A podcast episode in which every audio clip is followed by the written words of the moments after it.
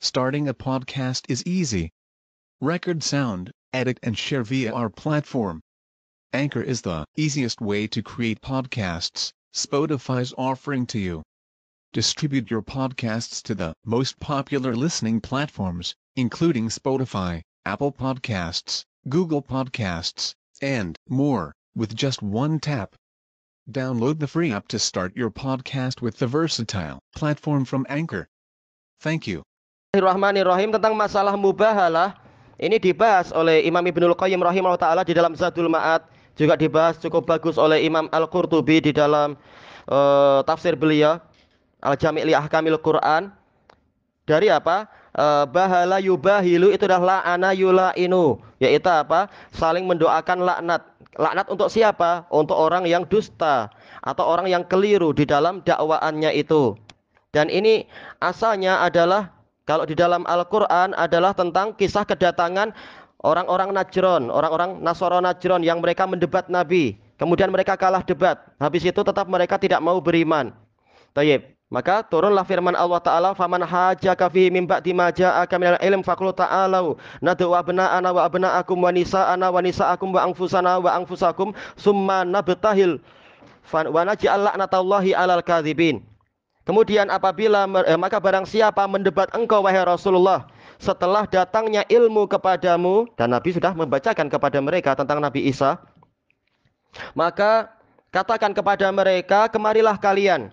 Kita memanggil anak-anak kita anak-anak kami dan anak-anak kalian istri-istri kami dan istri-istri kalian. Kemudian apa? Diri kami dan diri kalian juga Kemudian kita mubahalah yaitu mendoakan laknat, kita jadikan kutukan Allah menimpa orang yang dusta. Ya, ini adalah aslun asil dalam masalah mubahalah. Kemudian dalil yang kedua adalah yaitu ayat-ayat mula'anah tentang uh, di dalam apa itu surat An-Nur itu mula'anah antara suami dan istri dan sebagainya itu. Nah, itu kata para ulama itu semua adalah dalil mubahalah. Tayyib. Bila itu terjadi, yaitu kata Imam Ibnul Qayyim rahimahullah setelah sempurnanya hujah. Yaitu apa? Kita sudah mendatangkan hujah tentang suatu masalah, kemudian tetap saja orang itu menentang, membangkang dan dan seterusnya.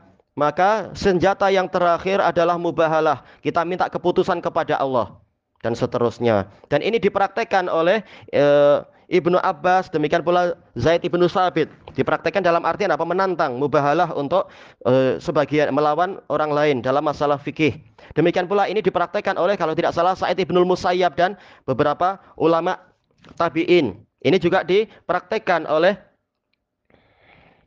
uh, bintang ahli Syam siapa itu Imam Auza'i ketika berhadapan dengan Sufyan As-Sauri dalam masalah masalah mustalah dalam masalah rawi Cuma apa? Rata-rata karena mereka sama-sama orang bertakwa, mereka senyum nggak mau melayani. Kenapa? Karena ini boleh jadi apa nanti celaka untuk masalah-masalah seperti itu. Namun apa? Kata para ulama mengatakan yang tidak melayani menunjukkan hujah dia kalah. Karena apa? Dia tidak berani menghadapi itu setelah tegaknya hujah.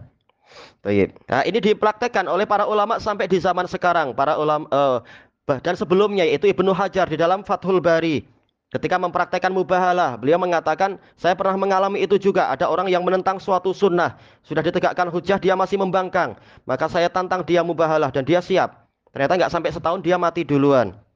Demikian pula apa di zaman-zaman sebelum ini, tapi tentunya setelah Ibnu Hajar, uh, siapa itu? Kelompok Ahmadiyah Mirza Ghulam Ahmad ditantang mubahalah oleh uh, Fadilatul Syekh Ihsan Ilahi Zahir. Kalah orang itu mati di di bilik tandas. Padahal apa? Dia mengaku nabi. Sementara syariat mengatakan para nabi itu di dimakamkan di tempat dia mati ya, sila itu. Makan itu. Sekarang para pengikutnya yang bodoh-bodoh itu masih tetap apa mengagungkan dia padahal apa sudah kalah hujah dan bahkan apa matinya sangat hina macam itu si Mirza Ghulam Ahmad. Masih ada yang orang berusaha membangkitkan akidah Ahmadiyah lagi, kelompok Ahmadiyah. Nauzubillah.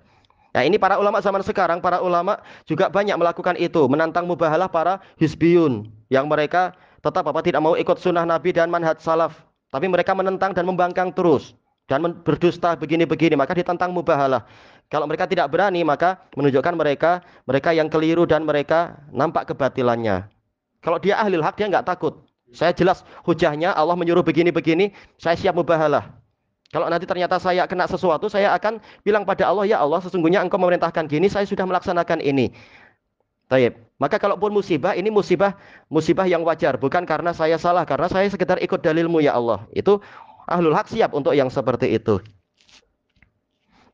Taib. Syaratnya kata Ibnul Qayyim, demikian pula kata Al-Qurtubi itu tadi. Kalau memang kita sudah menegakkan hujah pada dia, kemudian dia membangkang. Jangan seperti yang dilakukan sebagian orang yang di negara yang lain itu. Dia hujahnya doif dan dia jahil tahu-tahu dia bilang jom kita mubahalah. Ini bermurah-murahan terhadap terhadap nyawa diri sendiri. Padahal dia sendiri doif nah, ini tidak layak menunjukkan apa dia jahil walaupun ustadz Taib, ustadz mumayyik nah, yang seperti itu tidak layak untuk apa dia bermudah-mudah dengan masalah mubahalah. Itu nyawa dia. Tahu-tahu nanti dia mati ya anak istrinya kasihan dan seterusnya. Tapi jahil dia tak paham masalah itu Nah, ulama yang besar, kalaupun dia merasa hujahnya memang tidak sekuat hujah orang lain lalu ditantang mubahalah, dia memilih untuk mengalah saja. Tayyip. Bukan malah tetap apa? Membangkang maju ke depan. Yang penting tidak hilang marwah saya, bukan itu yang penting. Kalau hujahnya tidak kuat, maka rujuk itu lebih baik, mengaku oh Anda yang lebih betul dan seterusnya. Intinya itu kata para ulama pembahasannya itu. Dan mubahalah tidak hanya berduaan saja namun apa di hadapan orang banyak. Makanya rata-rata ulama yang menantang mubahalah mengatakan bainar rukni wal makom. Sekalian disaksikan orang sedunia di Ka'bah sana sekalian. Tapi nantangnya betul-betul yang masuk akal tentunya. Orangnya nggak punya tiket ke sana, gimana ke sana?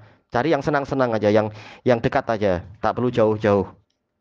Tayyib, wallahu a'lam. Tayyib. Subhanakallahumma wa bihamdika la ilaha illa anta astaghfiruka wa atubu ilaik. Walhamdulillahi alamin. Jazakumullah khairan.